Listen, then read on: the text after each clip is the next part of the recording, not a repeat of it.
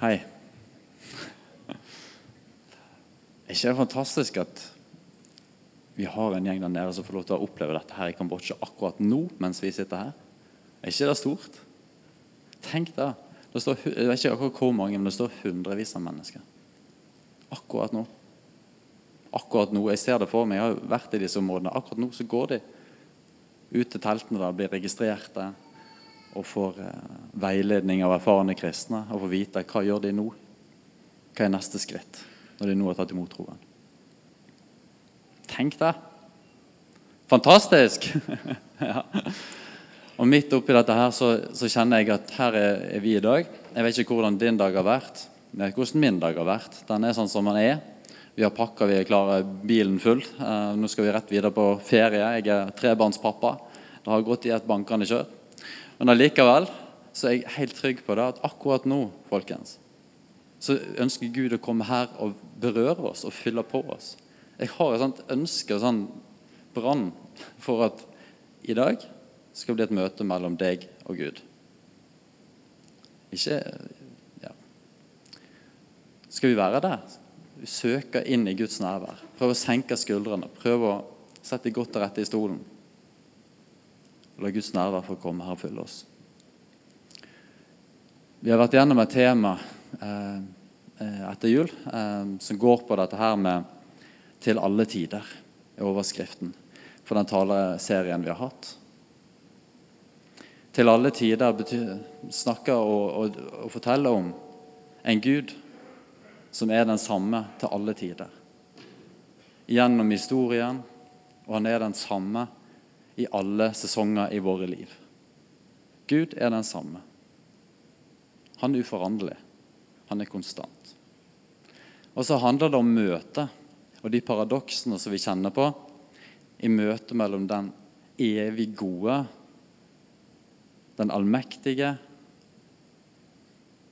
den store kongen Gud, og oss som mennesker, som forgjengelige mennesker, som stadig opplever sesonger som stadig opplever at livet tar oss inn i ulike faser og stiller oss overfor ulike utfordringer, glede og sorger.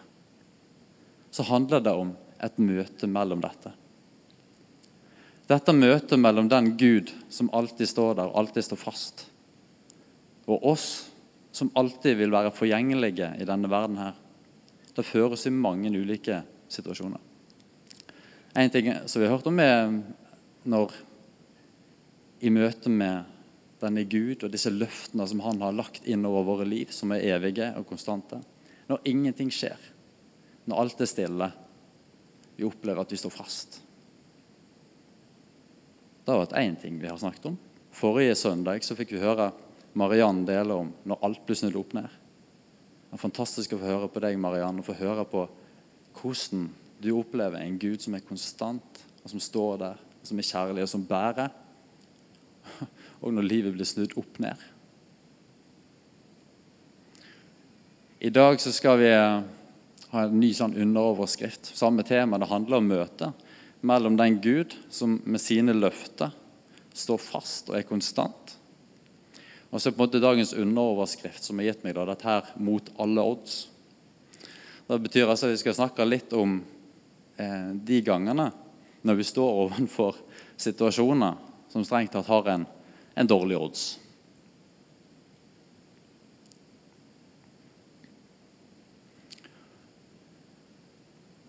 Dette her er jo å stå overfor situasjoner som vi kanskje kan oppleve er litt sånn voldsomme.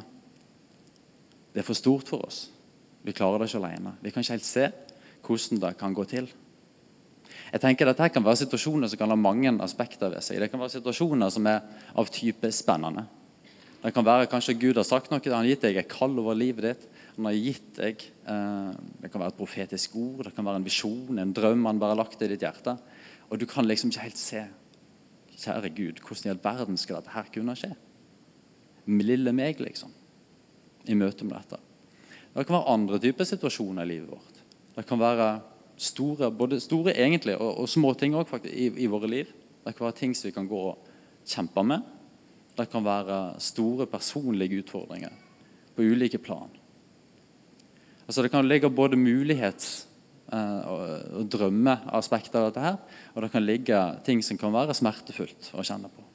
Men kan, vi snakker om situasjoner som er så store at vi kan erkjenne tydelig og klart at vi ikke klarer det i egen kraft. De situasjonene skal vi se litt på i dag.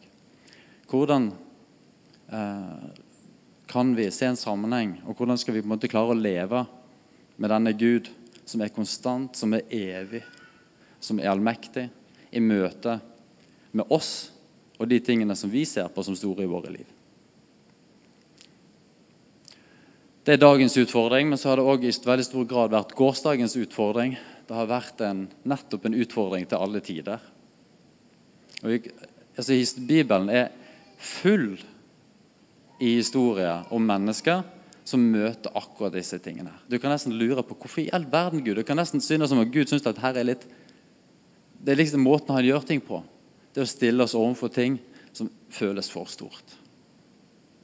Vi kan jo begynne helt tilbake med Altså, altså det Du kan lure på hva, hva er oddsen for at dette skal gå bra. Kan, Noah, for eksempel. skal husker Noah? Kan tro dere han følte det der han store hamra på denne båten sin oppe på fjellet der. Og folk står og håner han. Hvordan tror dere egentlig Noah hadde det der? Ikke særlig god odds for at tipset hans hans innsats skulle faktisk gi gevinst. Det var veldig liten odds for det. Hvis du ser sånn rent menneskelig tall på det. Jeg tipper det var en del hammerslag der med relativt dårlig, frynsete sjøltillit. Og Så kan du gå videre til Abraham. sant? Gamle, som Vi hørte om sist òg. Forrige søndag. Abraham som gamle mann sant? som ble lovt at gjennom deg skal alle slekter bli velsigne. Og sitter han der og sliter både med potens og det ene og det andre, tenker jeg, gamle karen. og hvordan i all verden skal dette her gå til? Sant? Det er dårlige odds. Det er fryktelig dårlige odds. Men Guds løfte lå jo der og hvilte over livet hans. Ikke sant? Guds løfte ligger der. Vi kan tenke på Josef. Det er så mange historier. Du kan Josef, når Han lå i bunnen av brønnen der, han var jo en drømmer. Han er Josef, sant? Han likte å tenke store tanker tenke store tanker om alt, om seg sjøl og om alt. Han har fått mange drømmer. Han ligger i bunnen av brønnen der. Er ikke mye som skulle tilsi at en dag så faktisk skulle han herske over sine søsken, så hadde han slengt han ned i dette hølet. Av og til for tror jeg vi har litt sånn glansbilde av disse menneskene. Vi tenker liksom sånn, vi tenker på bibelske personer. Så, så blir det litt sånn veldig annerledes enn oss sjøl. Ja, de var så utrolig spesielle. Men han var jo et helt vanlig menneske sånn som meg og deg. som lå nedi der. Hadde ikke vondt for han ble slapp ned i den brønnen der. Der lå han. Og så har vi David. sant? Det er jo klar, veldig lett å se for seg. David går fram mot Goliat der. Dårlig odds. Kjempedårlig odds. Og så har vi Peter. Det er Peter som hadde sagt at på deg hadde Jesus sjøl sagt til ham På deg, Peter, på denne klippen vil jeg bygge min kirke. Og Så står han der, og så fornekter han og så banner han på at han ikke kjenner Jesus. Og så tar det Jesus fra ham og henger på korset og dør. Hva er oddsen? Hva tror du Peter føler? Yes! Nå skal jeg ut Nei. fryktelig dårlig odds. Og så er det en historie som jeg, som jeg syns er jo uh, kanskje den aller beste. For der virker det nesten som Gud syns det er han, han, han, har lyst til å bare redusere og gjøre det enda mer usannsynlig at det skal gå bra, bare for å demonstrere at det er Gud. Husker dere historien om Gideon? som skulle ut og slåss med medianittene. Der kan lese om i Dommerne, dommerboken 7. kapittel. eller noe sånt. Der står det om Gideon. Og Han hadde med seg en ganske stor hær, for han skulle ut og slåss med disse medianittene. Uh, og, og Da krevde jo en stor hær. Men så møtte jo Gud han gjennom mange syner og gjennom mange, uh, mange ting, og talte veldig tydelig til Gideon og sa til han at vet du hva, Gideon? Du har altfor mange folk med deg. Du kunne jo begynne å skryte av deg sjøl og tro det var du som skulle klare dette. her. Og Så skjedde det at, så Første gangen sa han nå må du jeg tror jeg har halvere cirka. Så han reduserte de fra mange mange, mange tusen. Først én gang til 22 000 menn. noe.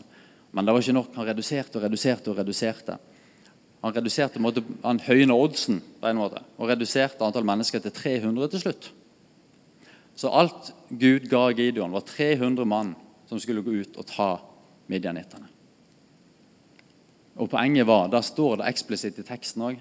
Poenget var de skulle forstå at det var Gud som skulle gjøre dette her. Ikke de. Det var ikke du, Gideon, som skulle slå midjanittene. Men det var jeg, Gud, som skulle gjøre det for deg, gjennom deg.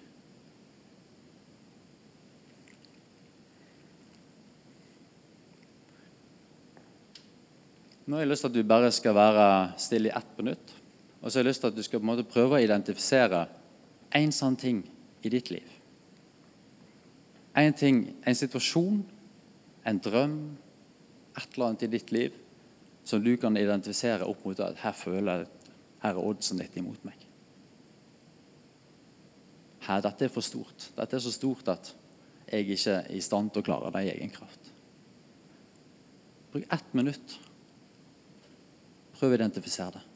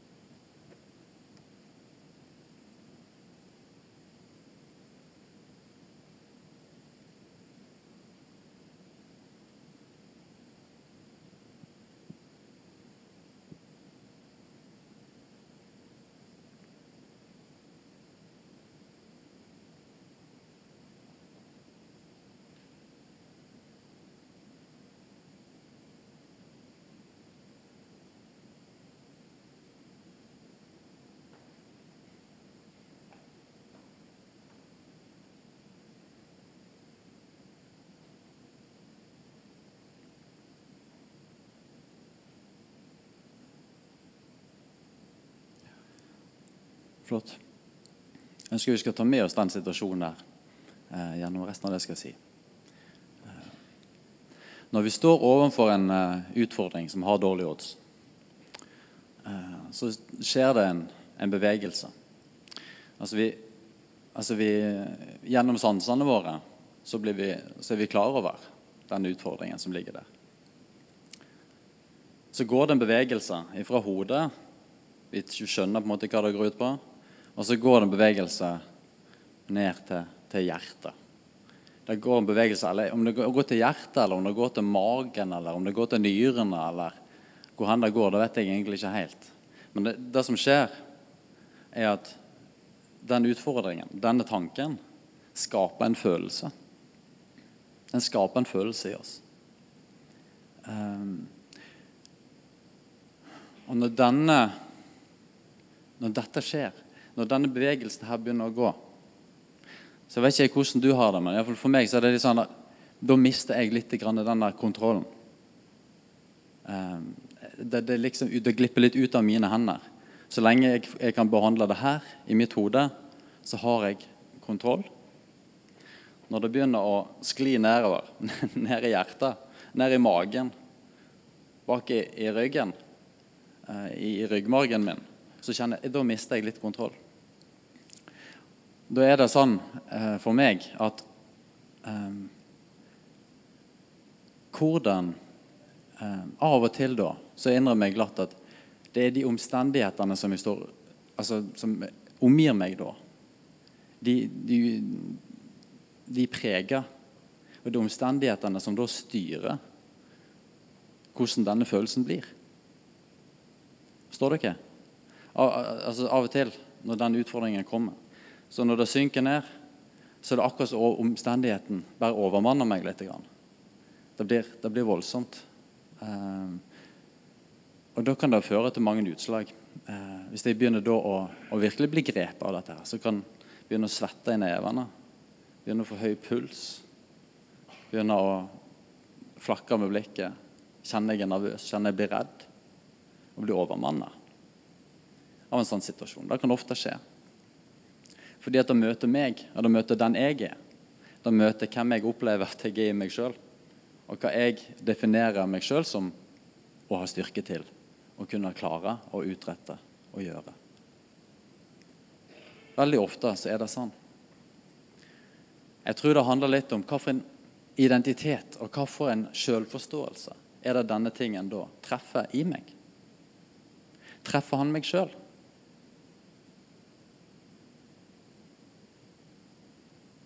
Tror Gud kaller oss til og ønsker, det vet dere veldig godt, en ting som er veldig sant om våre liv, men som er veldig krevende å få tak på.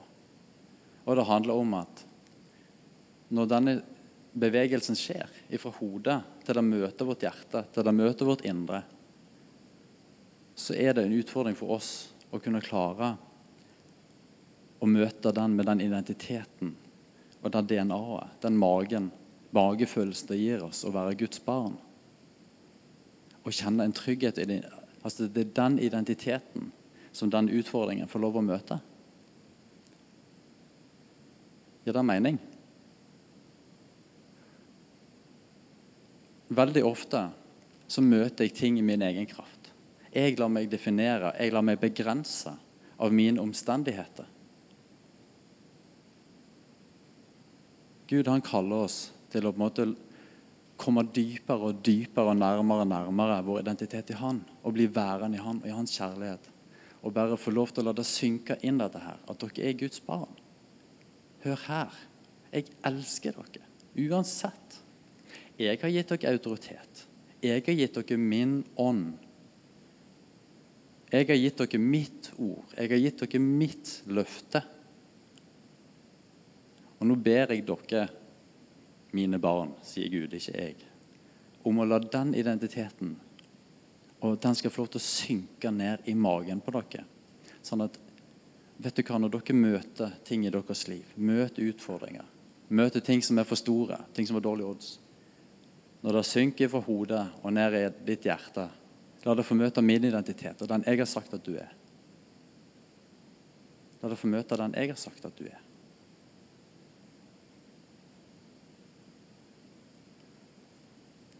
Av og til, hvis jeg ikke er der, hvis jeg kjemper egen kraft, så blir mitt hjerte grepet av angst i møte med sanne situasjoner. Det blir grepet av angst. Det kan bety at angsten kan få taket på meg.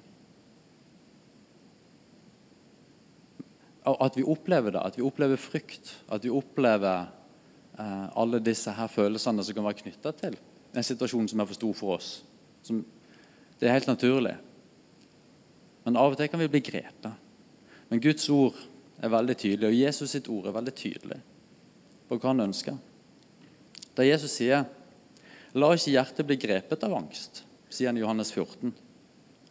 La ikke hjertet bli grepet av angst. Tro på Gud og tro på meg. Så sier han litt senere i samme kapittel, for hvert understreker understreke det Fred etterlater jeg dere. Min fred gir jeg dere. Ikke den fred som verden gir. La ikke hjertet bli grepet av angst og motløshet. La ikke hjertet bli grepet av angst og motløshet. Det er en drabelig utfordring å ikke bli grepet av det. Hvis vi tenker at da skal noe, en prestasjon, at det er noe vi skal klare, noe vi skal få til. Jeg vet dere hva, Det må vi ikke tenke. Vi må ikke tenke at dette er noe vi skal få til. For min fred gir jeg dere. Den etterlater jeg dere, sier Jesus. Det betyr at hans fred, den er gitt oss. Den er tilgjengelig her. Han ønsker at denne freden skal synke inn i våre liv og bli etterlatt der kapittelet etterpå så kommer vi videre. Da kommer vi til Johannes 15. Der snakker han om hvordan dette skal skje, og han snakker om å bli. Det er dette med vintre og greiene og dette her. skal vi gå litt nærmere inn på neste søndag. Jeg vil bare si det at å bli er nøkkelordet der for Jesus. Bli værende. Bli i min kjærlighet. Bli i meg. La din identitet få rotfeste. Stå rotfesta og grunnfesta i kjærlighet i møte med alle situasjoner.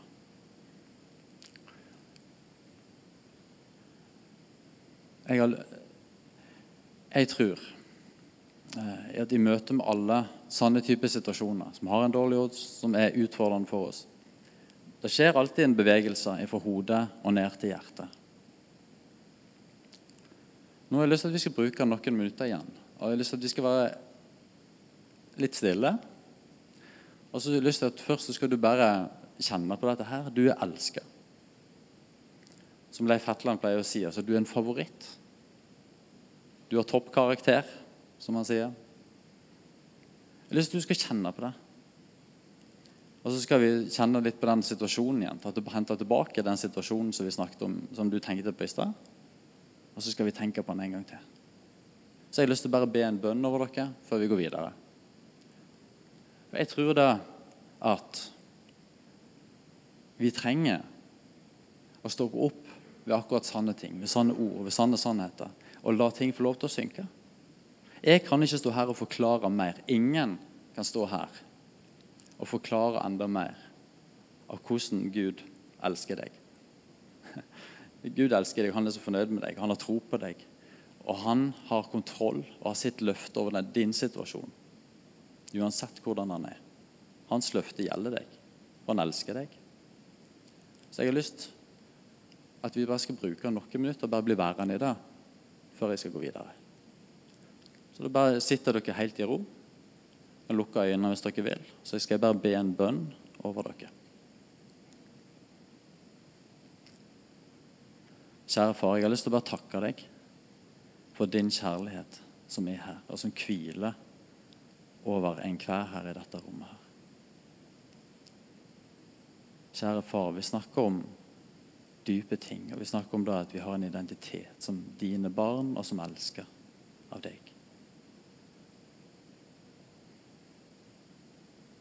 Kjære far, jeg ber om at du nå skal komme her og fylle hver enkelt opp med din fred, så vi kan få en erfaring av, av ditt nærvær, av din kjærlighet.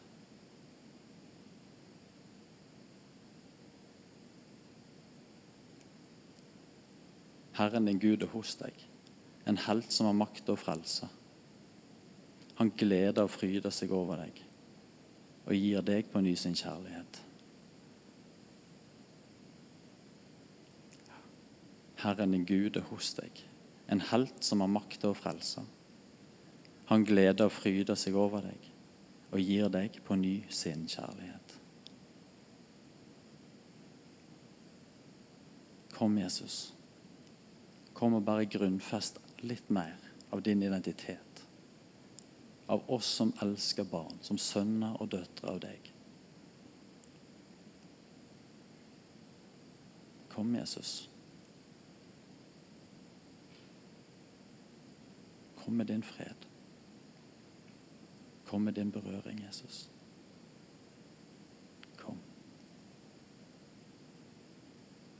Ja.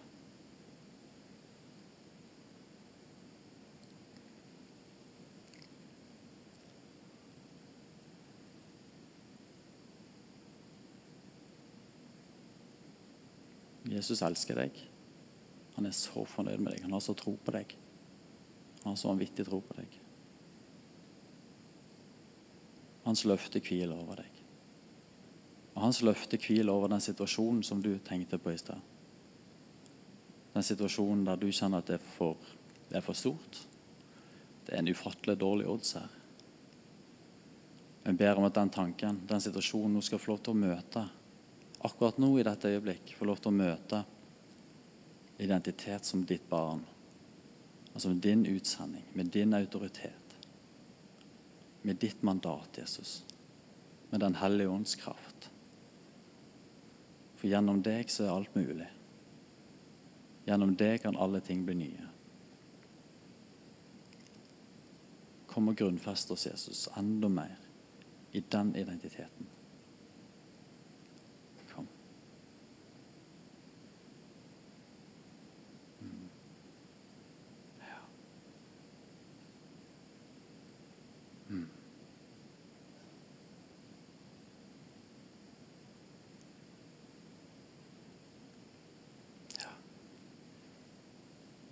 Skal bli værende videre der det seinere, men jeg skal være i den freden. Når dette skjer, når det skjer, at vi kan møte og vi kan mer i større og større grad bli grunnfesta i identitet som Guds barn, så blir vi trent i å se mer og mer med troens øyne. Vi blir trent til å, å se sånn som Gud ser ting, sånn som han ser situasjonene. Det skjer en bevegelse ifra å skulle se på våre menneskelige begrensninger til å se på hva, hva er Guds mulighet i denne situasjonen. her. Hva er Guds rikes mulighet? Jeg vil dele en historie eh, som jeg har delt veldig mange ganger i mange situasjoner. Dere kjenner den jo fryktelig godt. Det er en veldig kjent barnefortelling fra Bibelen. Men den sier noe utrolig viktig eh, om å få eh, se ting med troens øyne, som vi kan gjøre med en grunnfesta identitet. Dere har jo hørt eh, om disse her, når Jesus kom der. Eh, ja, nå skal jeg si en litt sånn typisk meg. Jeg husker aldri om det er fem fisker og to brød eller to fisker og fem brød. Men det er den historien. Det er fem, fem, fem brød, to fisker, ikke sant? Ja. Den historien der. Jeg synes Det er en utrolig fascinerende historie som jeg alltid vender tilbake til. av en eller annen grunn. Gud har virkelig lagt den ned i hjertet mitt. Uh, og Det er noen sannheter i den som taler veldig inn i det vi nå snakker om. Men se for dere denne her sletta der Jesus står og snakker til disse 5000 mann, står det. Det står 5000 mann. Eh, men da vet vi jo det, at når det er 5000 mann, så talte de ikke kvinner, men de var nok der. Og så var det masse barn. Så vi snakker iallfall om 10 000, tenker jeg. Kjempesvære gressletter der. Og der står Jesus og taler til dem med sine disipler rundt seg. Og de er gira, og dette her er bra, og folk er entusiastiske. Så blir det seint, og så blir det mørkt. Altså. Og så, eh, og så, eh, plutselig så begynner de å tenke dette, disse disiplene åh, Vi har ikke mat. Vi har ikke mat. De er sultne. Det er langt hjem. Hva skal vi gjøre? Og Så kommer det en springende til Jesus først og så sier han, du, vi har jo ikke mat å gi til dem. Hva skal vi gjøre? Og Så kommer nestemann. Han hadde tenkt litt lenger. så Han hadde skjønt at vi har ikke penger heller. Så vi har ikke penger, Jesus. Vi har ingenting å kjøpe for. Hva skal vi gjøre? Det er langt hjem, det er sent på kvelden. De syns nok dette her er litt sånn pinlig og flaut. da. Her har de samlet et kjempemøte, og så har de ingen mat. Pinlig. Og så syns jeg at det er, det er helt fantastisk. Det, det, er noen momenter i denne her historien som er utrolig spennende og, og så viktige. Men kanskje det, er det som, er virke, som jeg syns er aller mest fascinerende, det er når Jesus da møter dem. For hva er det Jesus sier til dem når han får disse tingene fra disiplene sine? De ser alt. Oh, stress. Hva skal vi gjøre? Jesus har én setning han sier til dem, som vi får gjenfortalt. Og det er Neimen, hva har vi, da? Hva har vi? Altså, Jesus var jo ikke der. 'Å nei, sier dere det? Har ikke vi mat?' Pinlig. Har ikke tenkt på det. Han er ikke der i hele tatt. Jesus han er med en gang på et helt annet nivå. Merker dere det? Han er ikke, han er ikke der som alle disiplene nok var. De så sin, i, i, sin egen kraft. De så sin, fra sine egne briller. Ikke med troens øyne, men de så med sine helt egne menneskelige øyne. Og analyserte situasjonen ganske riktig, ganske klokt. Vi har ikke noe å gi dem. Jesus han sier bare, snur opp ned og spør ja, men hva har vi da? Hva har vi?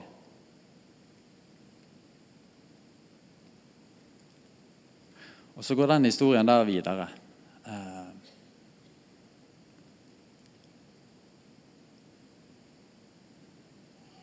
Og så tror jeg det at disiplene de ble litt sånn forvirra når han spør spørsmålet. Hva har dere? Ser de for meg, og de går rundt der liksom Ja, hva vi har? Merkelig spørsmål. Så begynner de å lete. Og så blir ikke de så fryktelig imponert over det de finner. Og så ser jeg for meg de kommer med det de, har funnet. da. Og så kommer de og forteller det til Jesus. Så ikke det er sånn Yes, nå har vi funnet løsningen. liksom. De er fortsatt ikke der tipper nok da de var ok, da vi har funnet Vi har en, en liten gutt her. Han har noen brød og noen fisker. Men det er ikke nok, det er 10 000 mann her. Det er 10 000 mann her. Dette er jo ikke akkurat nok. Men Jesus han er jo fortsatt ikke der. Han, han ser jo ikke på det problemet. Han ser det jo bare med helt andre øyne, i en helt annen virkelighet enn hva disiplene evner å gjøre. Så han, så han igjen så overrasker han disiplene, og så spør han dem bare Jeg spør ikke engang. Han sier til dem, befaler til dem. Ja, gi det til meg. Gi det du har. Kom med det.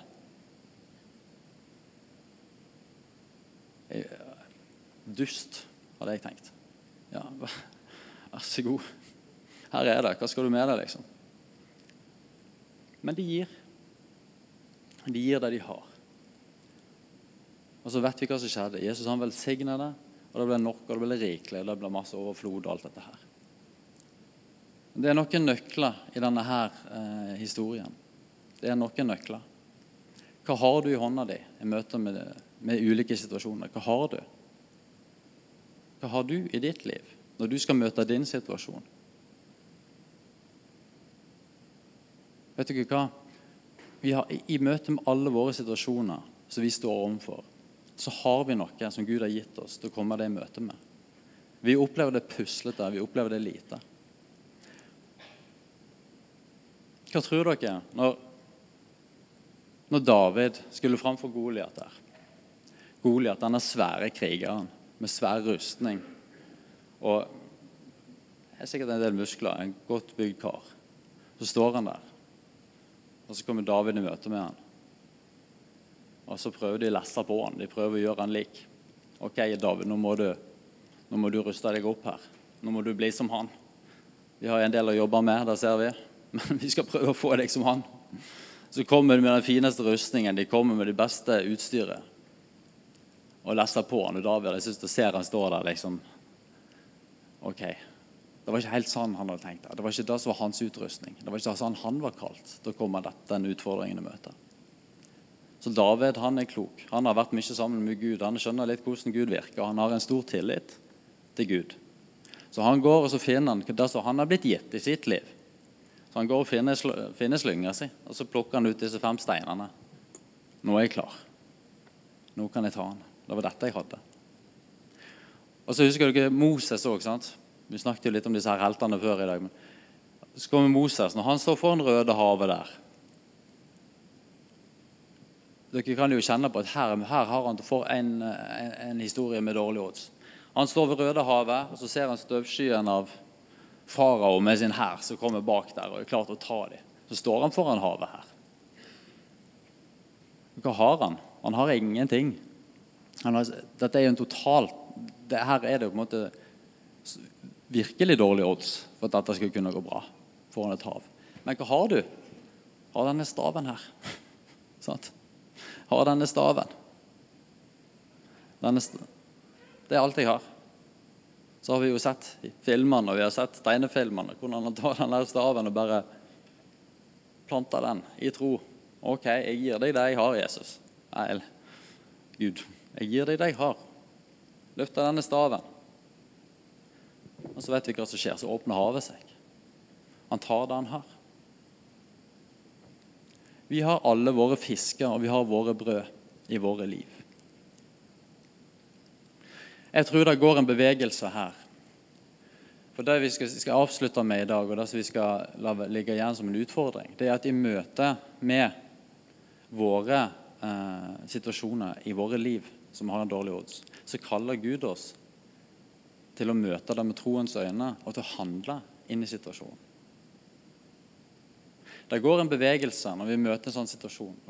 Ifra en tanke, Det går fra hodet til hjertet og ut i våre hender. Det tror jeg er en bevegelse som Gud ønsker skal skje hele veien. Vi skal handle på ting. Jeg tror det går når vi møter eh, dårlige odds. Det kommer en bevegelse fra hodet ned i hjertet. Jeg håper og ber om at vi stadig vekk skal få lov til å oppleve at den det hjertet det skal få møte, skal være et hjerte som hviler trygt i en identitet. Som gjør at det ikke blir grepet av angst, men som gjør at vi våger å ta den, den Bevare den troen og forvalte den. Sånn at vi tør å få øye på våre egne fisker og våre egne brød i møte med denne situasjonen. Og ikke si at de står totalt maktesløse, men at vi skal få øye, vi skal få frimodighet og tro på at det vi er gitt, det kan mette 10 000. Det vi har fått i våre liv, det er nok. Hvis de våger å tro på det, og hvis de våger å gi det til Gud, så er det nok til å mette alt og alle.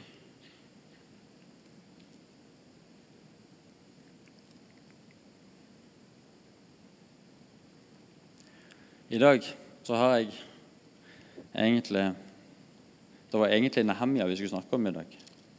Visste dere det? var egentlig Nehemja som var dagens person. Um, for å illustrere dette her. Um, jeg skal si litt om Nehemja til slutt i dag. Um, Nehemja når jeg var i Thailand og misjonær der, så var vi av og til ute på, på retreat jeg og en kamerat. Vi, eh, vi, reiste av gårde bare for å være litt stille med Gud. Så jeg husker at Den ene gangen der så, jeg, eh, så fant jeg ut at jeg hadde lyst til å studere Nehemja. Og det var jeg veldig glad for når jeg skulle innom Nehemja i dag, for jeg fant faktisk igjen litt av notatene. Nehemja er en veldig fascinerende skikkelse fra Bibelen. Nehemja, han, eh, For å sette det litt inn i tid, så er Nehemja en person vi møter sånn kronologisk egentlig ganske i slutten av gamle testamentlig tid. Han var en eh, hvis vi tenker at vi lever på Jesus sin tid, så var han sånn ca. på 1600-tallet. hvis dere skjønner. Uh, da er det litt lettere å relatere til hvor han i historien er dette her. Altså, det var sånn ca. 400-500 år før, uh, før, eh, Jesus ble født. Nehemja han kom til Han kom inn i historien når israelittene har vært i sitt siste fangenskap i Babylon. Og så begynner de å komme tilbake eh, til Jerusalem.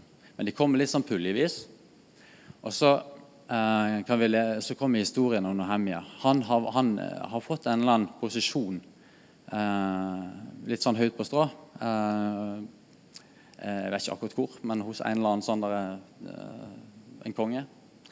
Jeg husker ikke akkurat. Men han har iallfall en posisjon, så han bor ikke sammen med israelittene der. Men han, han får iallfall veldig nød for folket sitt. Uh, og, så se, og, så et, så kommer broren hans på besøk, uh, og han har vært i Jerusalem og sett hvordan det står til. Og Nehemja han er veldig opptatt av da, hvordan går det med mine, mine, mine søsken i Jerusalem som begynner å vende tilbake. Og Så sier broren til Nehemja det at det går ikke så bra. Uh, det går ikke så bra. For vet du hva? For at, de, begynner, de har kommet tilbake til Jerusalem, iallfall noen av dem. Men problemet er det at murene de er revet ned rundt Jerusalem, så vi blir plaga. De som er kommet tilbake, det er ikke funnet fred. Ikke funnet fred i hele tatt. De blir fortsatt plaga og jaga av alle folkene som bor rundt dem. Og Dette har vakt en veldig sorg i Nehemja.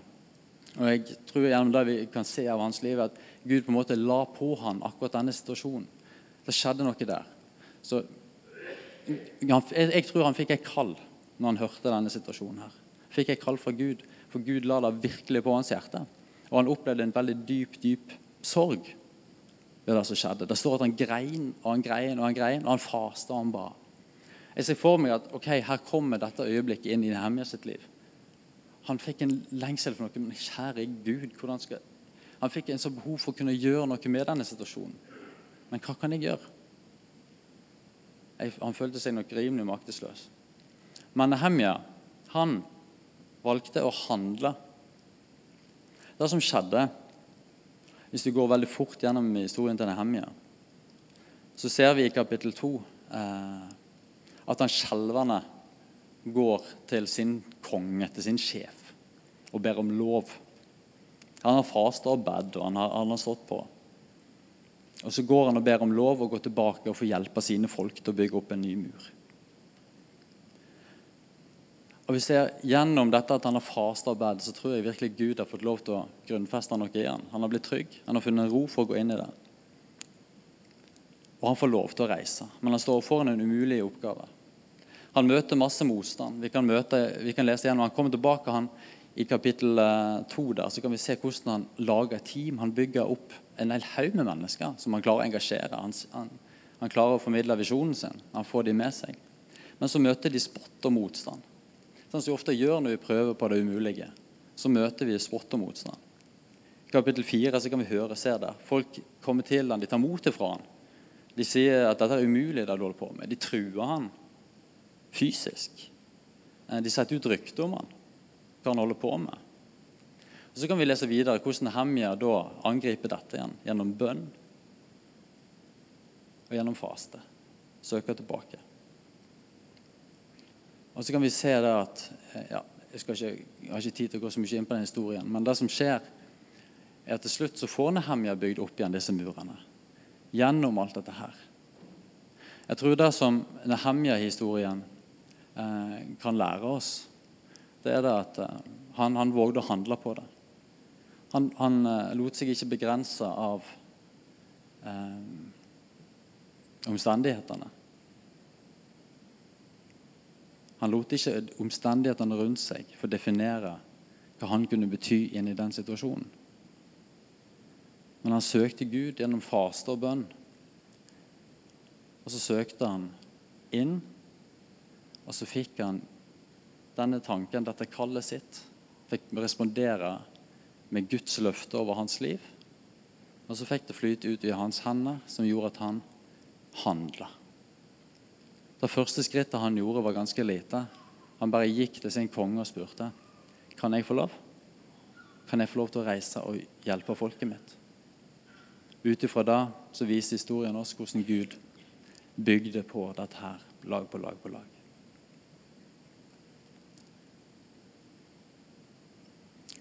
Kan låsingstiden bare komme fram, og så gjør dere klar?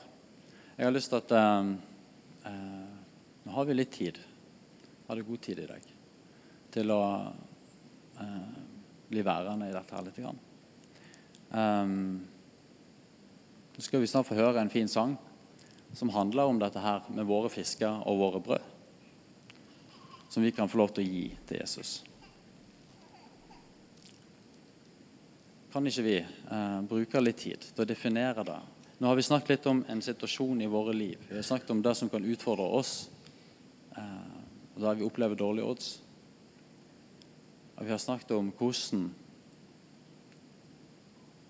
denne situasjonen møter oss. Den går ned i vårt hjerte. Den går ned i vårt system på en eller annen måte.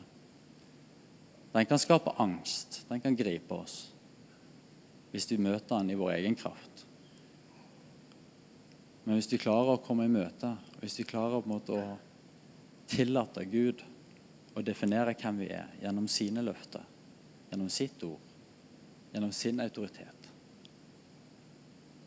så kan vi få et nytt blikk på situasjonen så kan vi se den med andre øyne. Vi ser den med Guds øyne. Og så kan han få lov til å komme tilbake til oss og utfordre oss til å handle ut ifra den identiteten og den som vi er. Men vi er utfordra på én ting, og det er, å, det er, å, velge å tro på. Og våge måte å gi våre fisker våre brød. Og begynne å, gå, begynne å gå på vannet inn i den situasjonen som er stor. Men Jeg bare ber Jesus om at du må bare definere for oss hva er det som er våre fisker og brød der vi er i livet vårt akkurat nå.